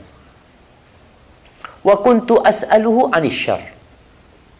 Sedangkan aku menanyakan tentang yang jahat, tentang yang buruk. Makhafata ayudrikani karena aku takut keburukan itu menimpa aku atau aku menghadapi keburukan. Fakultu ya Rasulullah. Lalu aku berkata, wahai Rasulullah, alaika salatu wassalam ya Rasulullah. Inna kunna fi jahiliyatin wa. Kita dulu hidup di masa jahiliyah. Masa yang penuh dengan kejahatan. Wajah Allahu bihadzal khair. Fahal ba'da hadzal khair min syar? dan Allah mendatangkan membawa kebaikan ini buat kita. Apakah setelah kebaikan ini akan ada keburukan? Kata Nabi Shallallahu Alaihi Wasallam, "Naam, akan ada keburukan." Ucapan ini tentunya agar para sahabat mempersiapkan diri akan ada keburukan yang dihadapi. Qultu wa hal ba'da hadha syar min khair? Setelah keburukan itu datang kebaikan lagi enggak? Ada kebaikan lagi tidak? Qala na'am. Wa fihi dakhan. Iya, akan ada kebaikan tapi ada dakhan. Ada kayak kabutnya. Kadang kala samar, kita melihat kebenaran itu kadang kala samar. Qultu wa ma dakhanu? Apa dakhanuhnya? Qala qaumun yastannuna bi ghairi sunnati wa yahduna bi ghairi hadi ta'rif minhum wa tunkir. Satu kaum yang mereka tidak mengikuti sunnahku. Mereka bikin cara-cara dalam beribadah bighairi sunnati. Nggak pakai sunnahnya Nabi Muhammad SAW. Wallahi jamaah kadangkala sunnah itu seperti bid'ah. Orang kalau dikasih tahu ini loh sunnah. Masa sunnah? Iya. Anak nggak tahu. Contoh mungkin sunnah yang sunnah yang akan dianggap aneh jamaah. Sholat pakai sandal atau sepatu. Antum gimana lihat kadang kala orang Arab sholat pakai sandal, sholat pakai sepatu. Di Indonesia, seorang syekh cerita, ya waktu itu di puncak, lagi sholat berjamaah di halaman, ya di rumput sana sholat, ya semuanya pakai sandal, semua ada yang pakai sepatu. Itu ada perempuan pakai rok pendek, teriak-teriak. Hei, hei, gimana sholat pakai sandal? Dia pakai rok pendek, nggak pernah teriak. Tapi dia melihat ada sesuatu yang buat dia aneh ini. Ini bid'ah lagi ini mungkin seperti itu. Yastatnuna bi ghairi sunnati wa yahduna bi ghairi hadi dan memberikan petunjuk atau melaksanakan ya sebuah sebuah cara dalam beragama ini yang tidak sesuai dengan petunjuk. Ta'rif minhu wa tunkir. Engkau tahu dari mereka dan engkau bisa mengetahui dan bisa mengingkari mana yang baik dan mana yang buruk, mana yang hak dan mana yang batil karena punya ilmu. Tapi orang kalau tidak punya ilmu campur aja. Antum bisa lihat di banyak negeri, mungkin di Indonesia salah satunya. Sampai hari ini masih banyak peristiwa yang dianggap biasa oleh orang atau acara-acara dianggap biasa oleh orang-orang padahal itu bertentangan dengan syariat Nabi sallallahu alaihi wasallam. Contohnya apa? Larung laut kepala kerbau itu yang mengadakan kadang-kala ustaz. Pakai peci, pakai sarung. Itu kepala dibungkus kemudian mereka membaca zikir-zikir yang sesuai dengan agama. Mereka beranggapan dengan dikasih zikir ini jadi sesuai dengan syariat. Umar bin Khattab radhiyallahu taala anhu ketika Amr bin As kirim surat. Jadi Amr bin As ketika datang ke Mesir dia berkuasa di Mesir situ. Sungai Nil itu tiap tahun ada bulan-bulan tertentu yang dia itu surut. Surut. Supaya airnya balik, itu penduduk Nil biasa me mengorbankan seorang gadis. Tumbalnya itu perempuan. Gadis yang paling cantik, kemudian diminta dari orang tuanya, Orang tuanya dikasih harta yang cukup sehingga ridho, kemudian gadis itu kita kasih perhiasan, lalu dilemparkan ke sungai, dan subhanallah, sungai itu langsung naik. Sungai ini. Ini cerita kalau Ibnu Katsir dalam kitabnya Al-Bidayah wa Nihayah. Ketika Amr bin As berkuasa, Islam sudah ada di situ, penduduk Nil mulai khawatir. Sungai mulai surut. Mereka datang kepada Amr bin As menceritakan kebiasaan mereka. Ini tradisi, ini budaya. Ada budaya sebelum datangnya Islam. Ingat Islam tidak menentang budaya. Tidak menentang tradisi. Selama tradisi itu sesuai dengan agama, jalankan. Selama tidak bertabrakan dengan syariat Allah Azza Kata Amr bin As lah, ini nggak mungkin dilakukan setelah Islam. Nggak ada sudah. Allah sudah, Islam itu ya jubu qabla menghapuskan yang sebelumnya Islam itu. Dan subhanallah, terus air itu surut, surut, surut sampai mau habis. Ya. Amr bin As bingung. Apa yang harus dilakukan? Antum kalau bingung apa yang antum lakukan? Bertanya kepada orang yang alim. Umar kirim surat kepada Amirul Mukminin Umar bin Khattab radhiyallahu taala anhu. Amr bin As kirim surat. Lalu Umar kirim balasan. Balas. Setelah tulis surat di situ ada di toko ada kartu yang ditulis sama Umar. Umar mengatakan kepada Amr bin As, Amr bin As, kalau datang kepada suratku ini, itu kartu lemparkan ke Nil. Lemparkan ke sungai Nil. Kartu itu bunyinya kira-kira mengatakan, In kunta tajri bi amrillah. Wahai Nil, kalau engkau mengalir itu karena perintah Allah Azza wa Jalla, maka silahkan kau mengalir seperti biasanya. Tapi kalau engkau itu mengalir karena keinginan dirimu sendiri, gak perlu engkau mengalir. Kita minta kepada Allah SWT untuk mengalirkan engkau. Subhanallah. Datang surat itu, dilemparkan ke Nil. Air itu langsung naik. Nggak ada lagi kepala kerbau. Orang kan berpikir Ustaz ganti dulu kan manusia Ustaz. Sekarang ya Alhamdulillah kita punya rezeki kerbau gimana kalau diganti sama kerbau. Selesai urusan tradisi ini. Kenapa sekarang di negeri kita masih terus terjadi bencana-bencana di pantai umpamanya. Dan orang masih terus memberikan kepala kerbau. Karena mereka terus melakukan kesyirikan. Jadi setannya jin yang di sana itu terus menggodain. Kalau nggak ada sesaji, mereka akan godain lagi. Ada kapal yang tenggelam. Ada anak yang disembunyikan sama mereka. Dan jin bisa melakukan itu. Subhanallah. Maka kita diperintahkan untuk mengikuti agama ini. Walaupun ada samar-samarnya abu-abunya, tetap kembali kepada sunnah Nabi Muhammad sallallahu alaihi wasallam. Jadi habibillah itu kira-kira ya pandangan ringkas tentang bagaimana kita memilih pemahaman para sahabat, para tabi'in sebagai metode kita beragama dalam mengamalkan semuanya.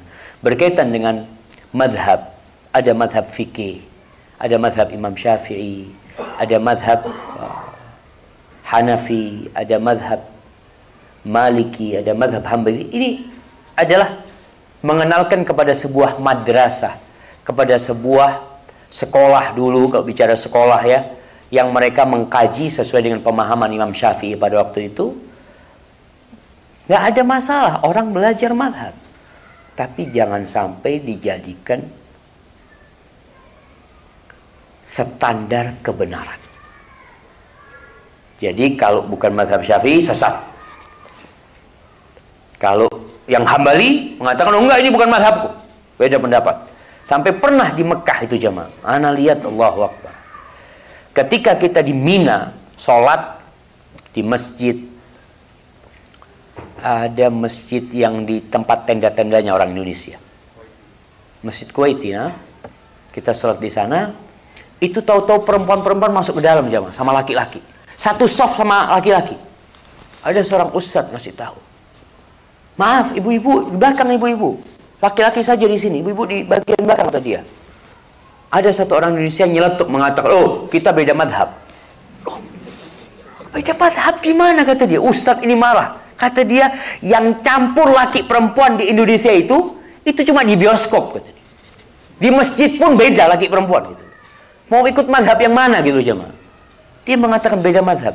Jangan sampai itu menjadi pemecah belah di antara umat. Fanatisme kalau ada kelompok ini, kadang-kala memecah belah umat, bahkan terjadi bunuh-bunuhan kadang-kala jemaah. Hadza wallahu a'lam itu yang bisa saya sampaikan kesempatan kali ini.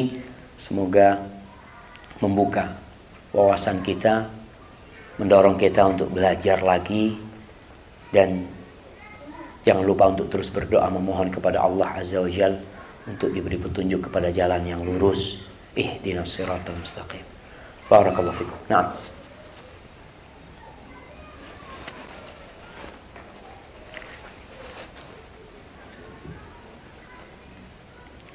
Jazakallahu Ustazana khairan jazaa dan Alhamdulillah sungguh banyak ilmu yang kita peroleh pada hari ini, pada pagi hari ini dan sebagaimana katanya Abdullah bin Umar bahasanya dan siapa yang mencari contoh maka hendaklah mencontoh orang-orang yang sudah wafat Uh, mungkin ada di antara jemaah yang ingin langsung bertanya sebelum kami bacakan pertanyaan yang masuk lewat WhatsApp ya, dipersilahkan terlebih dahulu.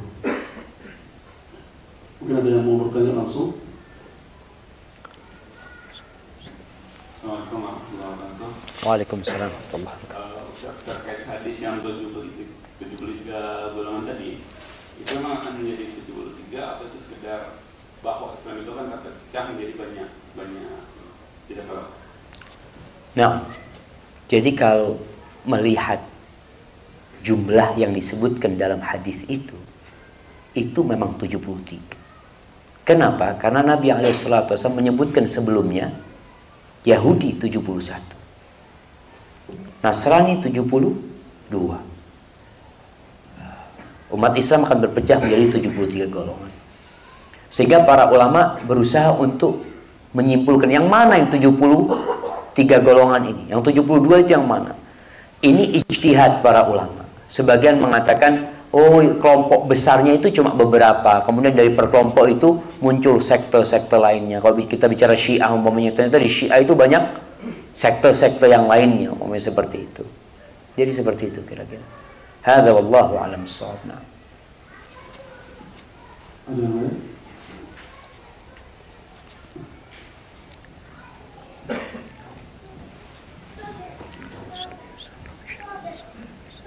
Uh, Ustaz, saya mau tanya tentang bagaimana cara kita menyikapi atau apakah kita bisa mengambil ilmu dari beberapa dari para ulama yang dia ada kekeliruan di, di masalah akidah misalnya atau wasiat. Karena kita mengetahui kalau di para ulama kita terdahulu yang muktabar kayak Imam Nawawi dan yang se, seperti beliau itu ada kekeliruan dan kita pun masih mengambil ilmunya gitu. Padahal kalau kita sekarang kita sering diberitahu bahwa kalau misalnya ada keliru di manhaj itu tidak bisa diambil sama sekali. Gitu. Bagaimana kita kalau menyikapi di sekarang apalagi yang para alim yang masih hidup? Nah, subhanallah jamaah. Nah, pertanyaan yang menarik sekali jamaah berkaitan dengan bagaimana kita mengambil ilmu dari para ulama yang mungkin ya mereka ada kekeliruan dalam beberapa masalah akidah dalam masalah asma sifat ya. Tadi contohnya Imam Nawawi umpamanya atau Ibnu Hajar al Asqalani. Kalau kita lihat para ulama menjelaskan tentang di mana letak kekeliruan mereka. Mereka menjelaskan dan kekeluaran itu ternyata bukan sesuatu yang banyak. Yang mana dengan orang itu dikasih tahu, dia jadi tahu di mana bab yang dia salah. Sehingga dia bisa mengambil ilmu dari sana. Sedangkan kalau kita nggak tahu salahnya di mana, bagaimana umat akhirnya tahu yang salah itu yang mana? Apalagi kalau kondisinya ada orang yang memang mendakwahkan untuk mengamalkan kesalahan tersebut. Maka di sini tugas kita adalah berhati-hati. Jadi bukan menolak sama sekali para ulama tentang para ulama para ulama terdahulu, mereka tetap merujuk kepada buku mereka, tapi mereka tetap menjelaskan di mana letak kesalahan tersebut sehingga orang-orang yang datang selanjutnya faham mereka. Kalau mereka masih hidup kadang kala antum nggak tahu. Antum mau kasih tahu, ini hati-hati nih. Ini liberal ini kita katakan ya. Enggak, tapi dia bagus pembahasan dalam masalah al-ijaz al-ilmi tentang mukjizat. Mukjizat itu bagus, tapi dalam bab bab itu dia liberal momennya nyeleneh gitu.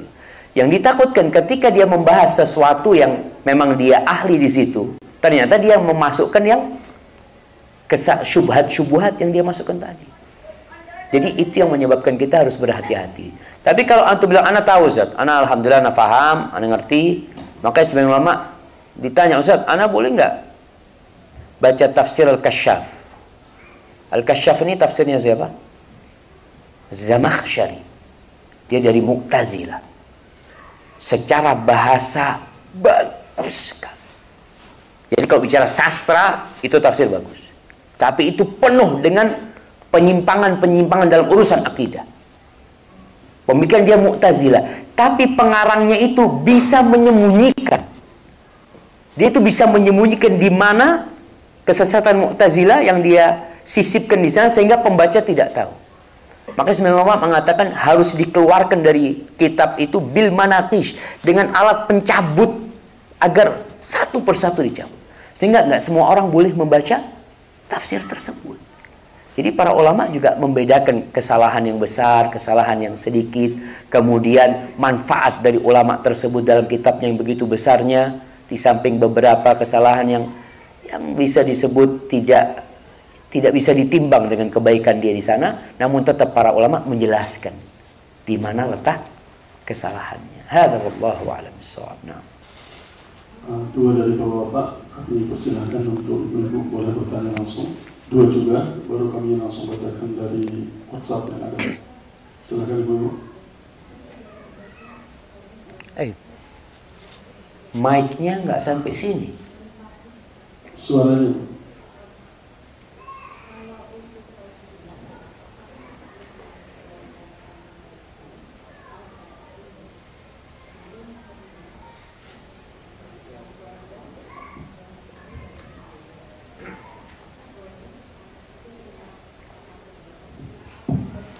Afan, itu mic yang di sana.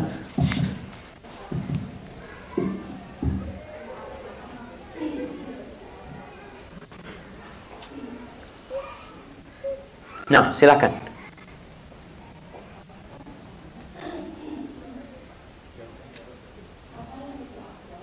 Masya Allah. Mana yang lebih afdol, kajian atau live streaming? Nah.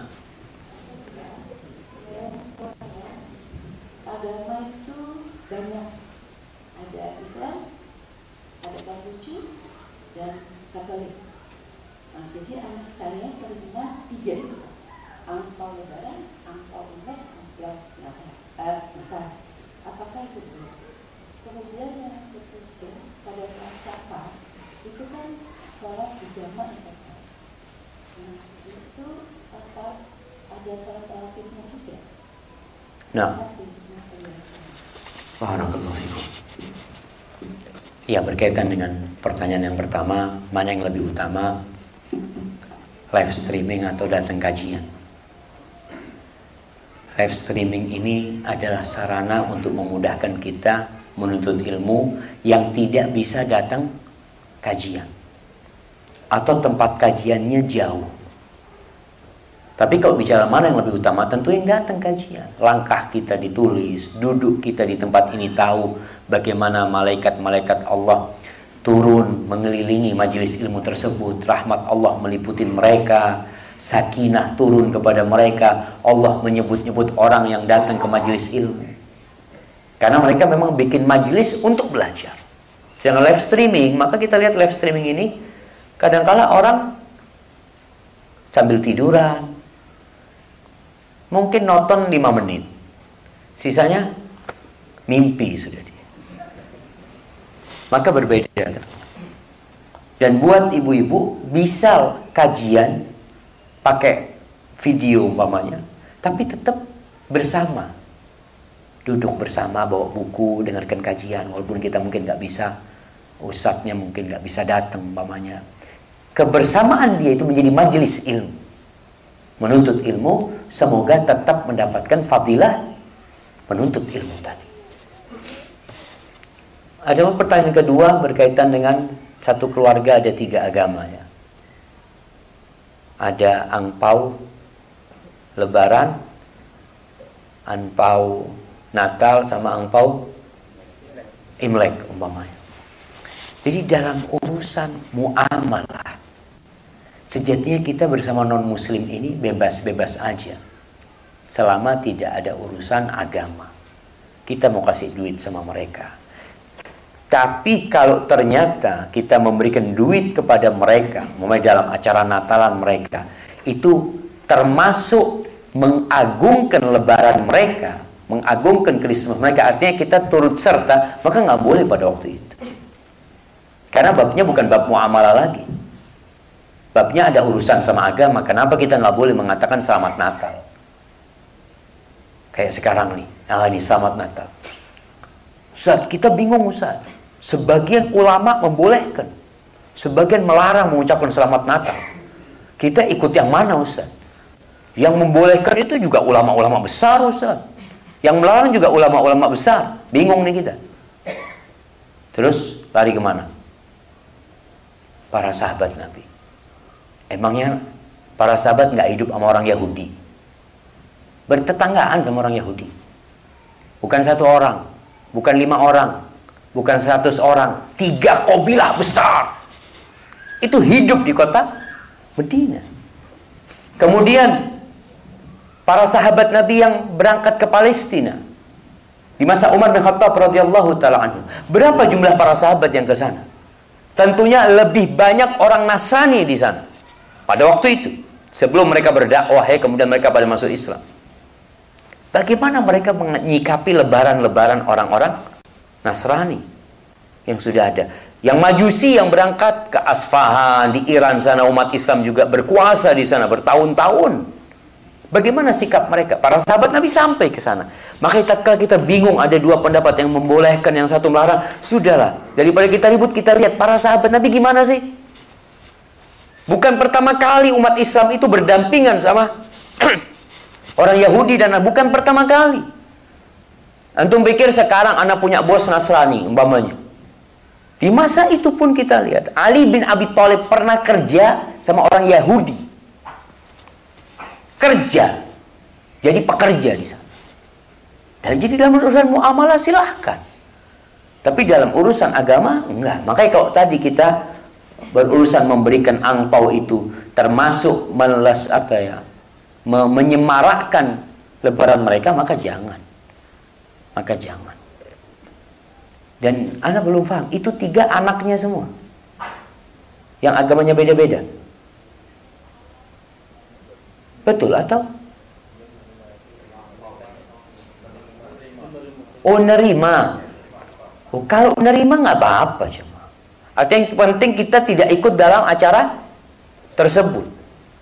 Sampai kalau ada acara orang mengadakan uh, acara macam-macam yang tidak sesuai dengan sunnah, kemudian kita dapat makanannya umpamanya, boleh makanannya nggak ada masalah. Halal makanannya tidak jadi haram kecuali sesembelihan untuk selain Allah Azza wa Jalla. Itu yang tidak boleh. Baik, itu pertanyaan ke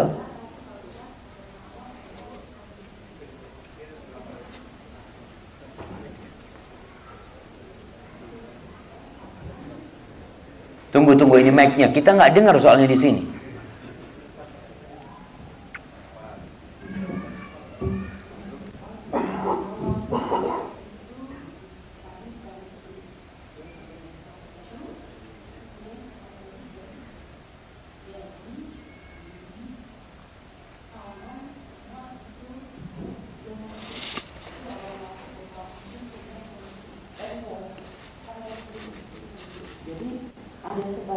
Eh, sekarang suaranya bagus.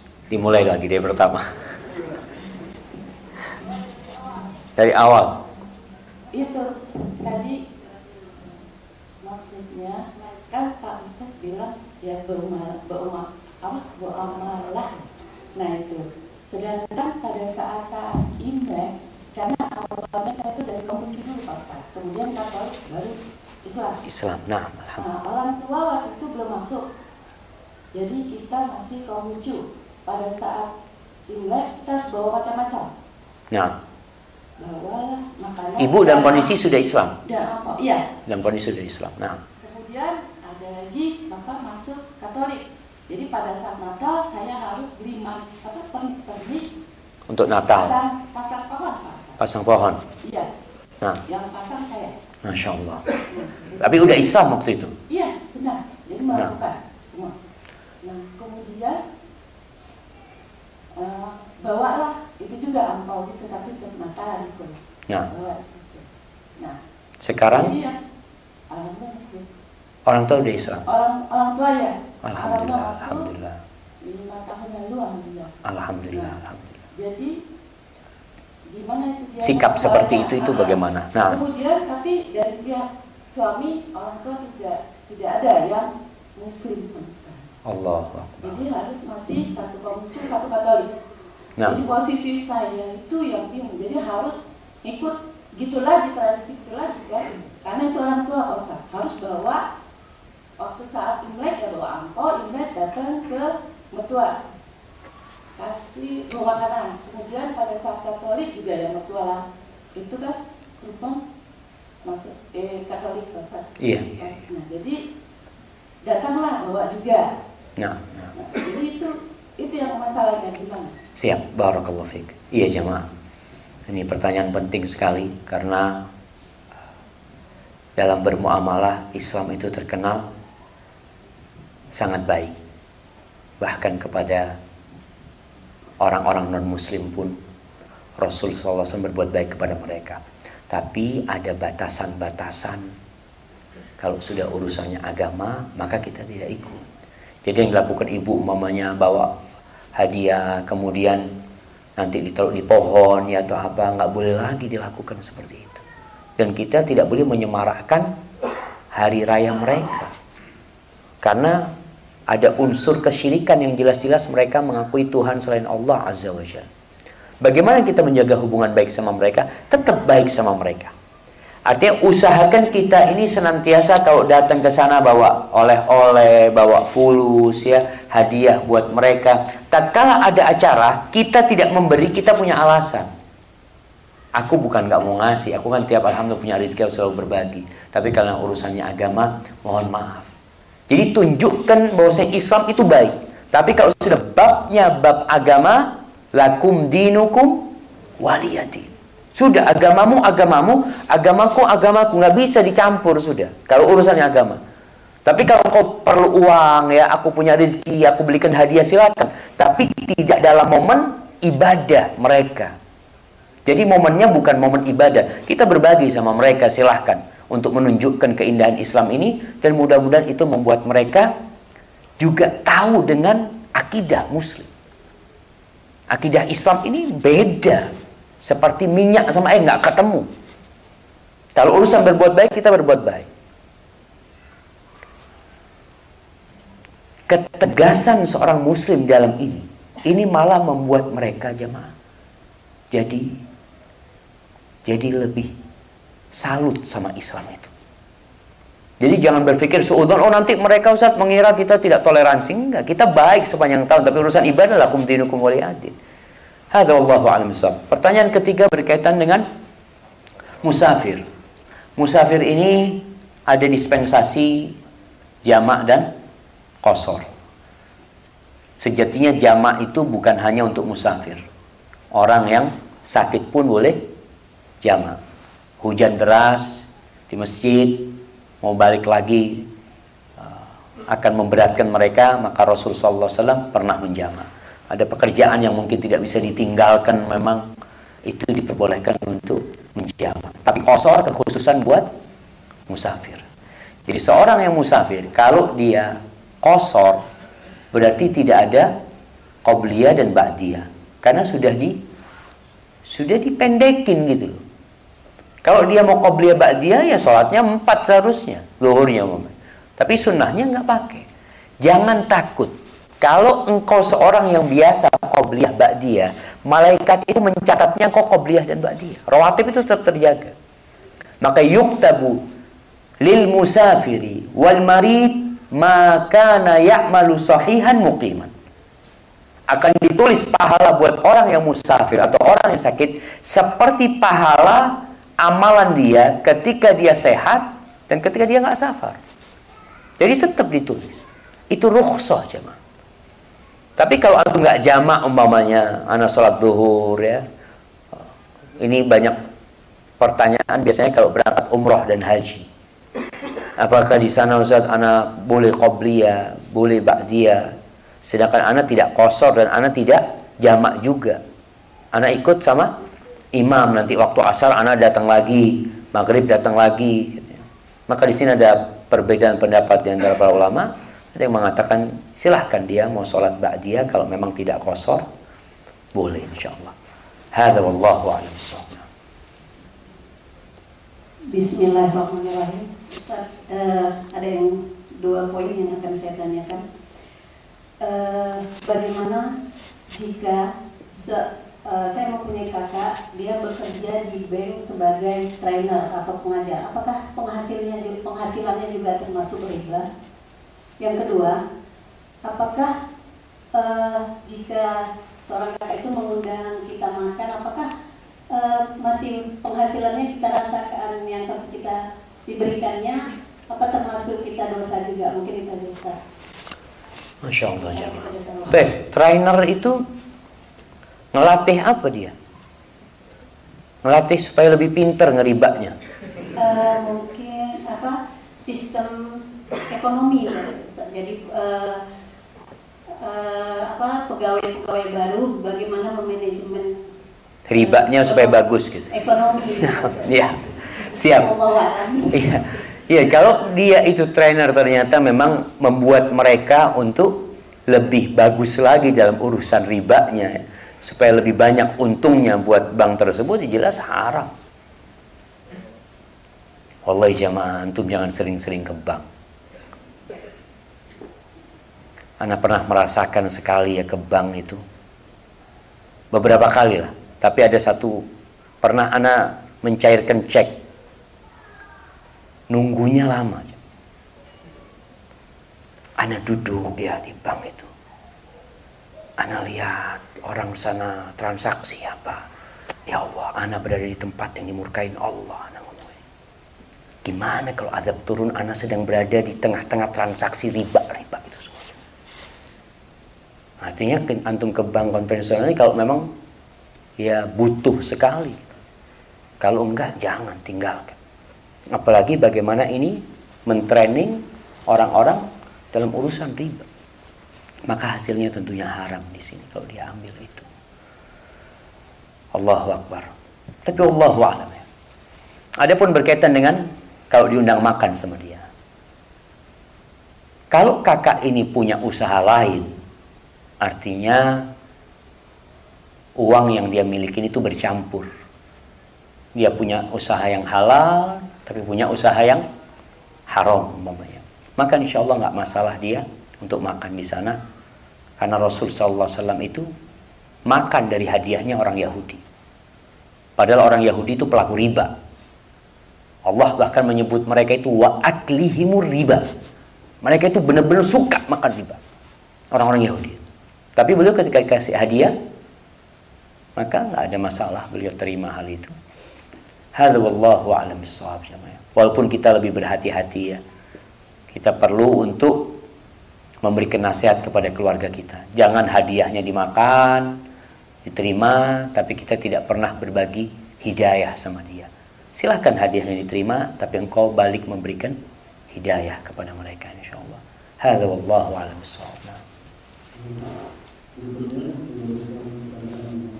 Masya Allah, antum sekarang ke sana suaranya. Ustaz, tunggu dulu Ustaz. Eh, tunggu dulu. Nah. Assalamualaikum Ustaz. Waalaikumsalam. Uh, ada yang sedikit mau saya tanyakan juga masalah riba Pak Ustaz. Hmm. Uh, kebetulan ini masalah kakak juga Pak Ustaz. Mereka melakukan pinjaman kepada bank konvensional. Oke. Okay. Setelah saya tahu, saya bilang, lah di situ ribanya ada, saya bilang. Dan dosanya seperti menjinahkan berjinah kepada orang tua.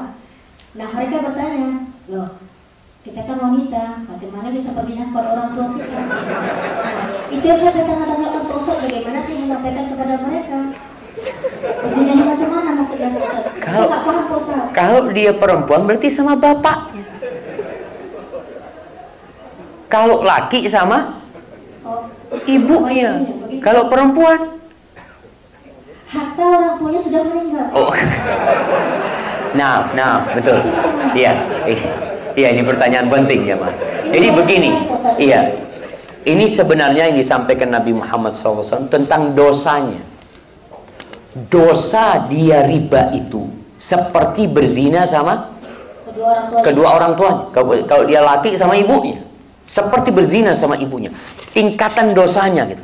Artinya orang kalau berzina sama pelacur, itu dosanya berapa? Berzina sama tetangga dosanya lain. Orang yang berzina sama tetangga itu lebih besar daripada dia berzina dengan 10 pelacurnya. Dengan tetangganya itu. Dosanya lebih tinggi. Berzina dengan mahramnya lebih besar lagi. Berzina sama ibunya na'udzubillah.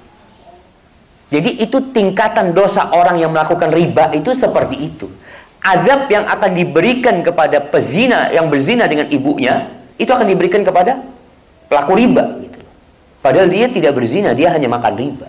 Itu yang paling kecil azab yang akan dia terima. Jadi masalahnya masalah azab yang Allah ancamkan buat mereka. Seperti itu. Wallahu a'lam bishawab. Kadang kala orang pertanyaannya, ya itulah, tanya, saya kan nggak punya ibu, dia. Ah, Atau dia ibunya sudah mati, bapaknya. Bukan dosanya. Maka perlu dikasih penjelasan kepada mereka. Dan sejatinya jamaah, masalahnya itu bukan masalah hukum. Banyak orang tahu hukum, tapi tidak mengamalkan hukum. Berarti penyakitnya di mana? Iman. Orang kadang-kala tahu riba ini haram, anak tahu, tapi anak kalau keluar anak makan apa? Subhanallah. Ketika kau di perut ibumu siapa yang ngasih makan kau? Kadang-kala orang imannya jadi bergantung sama manusia bukan bergantung sama Allah Azza wa Jalla. Ada yang mengatakan Allah Ustaz kalau nggak pakai sistem kredit sekarang Ustaz nggak bisa punya rumah Ustaz. Nggak bisa. Mobil nggak bisa punya mobil. Subhanallah. Bapak kita dulu belum ada bank bisa punya rumah. Bahkan tanahnya besar-besar. Berkah mereka jemaah. Sekarang semuanya minimalis. Pakai riba minimalis jemaah. Tak berkah akhirnya jemaah. Hada wallahu. Nah, Terus mereka boleh bertobat hanya karena mereka mengatakan ya udahlah saya bertobat, tapi mereka tidak menutup hutangnya Pak Ustaz. Nah. Macam mana Pak Ustaz? Iya. Iya, tobat ini syaratnya yang pertama adalah menyesal. Yang kedua meninggalkan. Dia wajib meninggalkan riba tersebut. Tapi ada orang yang belum nggak bisa meninggalkan. Artinya dia mau bayar nggak bisa bayar. Dia mau minta keringan tidak bisa kasih keringan. Maka dia berdoa mohon sama Allah kemudian berusaha untuk melunasi. Karena mau tidak mau itu harus dilunasi. Tapi dia tidak buka utang baru lagi. Namun kalau dia utang bisa mau dia punya rumah, anak bisa jual rumah ini. Anak jual, anak tutupi utang, itu lebih baik dia lakukan seperti itu. Sehingga dia bebas dari riba dan bertekad untuk tidak mengulangi. Seperti itu, wallahu a'lam bishawab. Nah,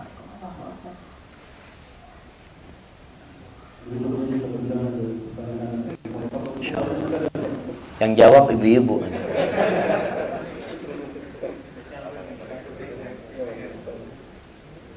Ke WhatsApp yang mungkin kami katakan sebagiannya yang lebih dahulu masuk.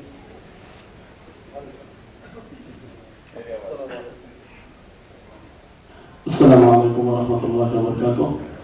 Alhamdulillah anak nyaman setelah hijrah ke manhaj salaf yang hak ini dan jauh dari kebingungan dan kengawuran dalam beribadah kepada Allah Ta'ala Ustaz, ada sesuatu yang ingin Anda dapatkan pencerahan dari Antum.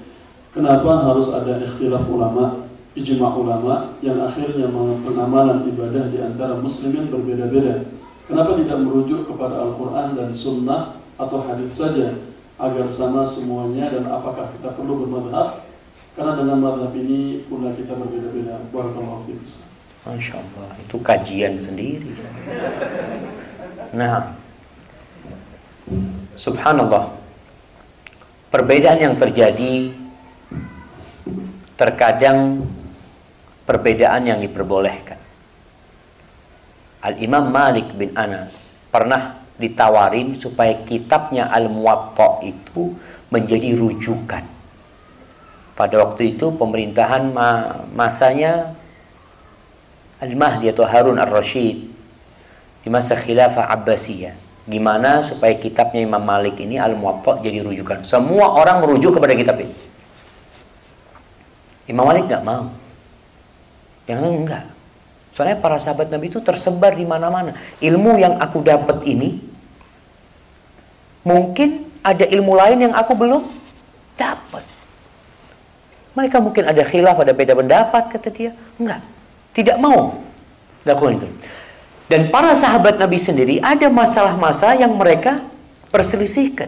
Dasarnya sama hadis Nabi Muhammad wasallam. Dan inilah yang menjadikan Islam sampai hari ini terus dinamis. Ilmu Islam itu nggak pernah berhenti. Contoh kalau antum bicara, Ustaz, ketika sujud itu lutut dulu atau tangan dulu. Antum dengar dari Ustadz akan nyampaikan lutut dulu berdasarkan hadis Nabi Muhammad SAW. Ustadz lain nanti mengatakan tangan dulu. Jangan seperti onta. Dasarnya sama. Jadi memang ada pemahaman dalam memahami sebuah hadis sehingga terjadi perbedaan pendapat dan tidak ada penjelasan yang rinci tentang bagaimana Nabi Alaihissalam melakukan itu. Duduk. Sekarang duduk itu iftirash apa tawarruk? Sebagian madhab, antum kalau berangkat ke Mekah, sholat di sampingnya orang-orang yang dari Afrika, yang madhabnya Maliki, itu duduknya tawarruk semuanya. Sedangkan kita di Indonesia yang madhabnya Syafi'i, kalau rokaat, kalau tasyahud pertama itu iftirash, yang terakhir tawarruk. Kemudian ada beda. Kalau sholat yang dua rakaat bagaimana? Jadi perselisihan yang terjadi ini menuntut kita untuk terus belajar. Pasti ada hikmah di situ. Dan salah satu hikmahnya juga adalah supaya kita tidak fanatis terhadap kelompok tertentu. Sehingga bisa jadi ini dalam urusan fikih, dalam urusan uh, muamalah, dalam urusan ibadah yang berkaitan dengan masalah fikih yang kadang-kadang memang ada beda pendapat, maka di sini kita diperintahkan untuk terus belajar dan tidak mudah menfonis orang lain. Kalau memang permasalahannya ada khilaf. Contohnya yang di Indonesia sampai hari ini dan sampai hari kiamat akan terus jadi khilaf. Kunut Madhab Syafi'i dan Imam Syafi'i sendiri beserta madhab Malik, Imam Malik sendiri kunut. Imam Ahmad dan Imam Abu Hanifah nggak kunut. Antum tahu Imam Ahmad itu muridnya siapa? Imam Syafi'i. Gurunya kunut, muridnya nggak kunut. Karena dia melihat hadisnya yang dipakai Imam Syafi'i lemah. Menurut Imam Ahmad. Dan dia ada hadis lain yang lebih kuat buat dia bahwa Nabi SAW tidak kunut kecuali satu bulan kemudian belum meninggalkan kunut tersebut. Jadi kalau kita bicara ya seperti inilah yang sudah Allah tetapkan buat kita sehingga menuntut kita untuk terus belajar ya, terus mengkaji Islam ini. Hadza wallahu a'lam Nah. Ini mungkin pertanyaan terakhir. Saya rasa ini dari uh, anak-anak kuliah. Assalamualaikum warahmatullahi wabarakatuh Ustaz. Alhamdulillah, Ana sekarang dapat hidayah. Nah, sekarang Ana lagi nggak mau sembarangan salaman dengan akhwat tapi malah sekarang anda dipersulit karena nggak mau salaman dengan dosen perempuan mohon nasihatnya Ustaz syukur Masya Allah ya ma. Ya ma, salaman sama perempuan tuh enak apa enggak?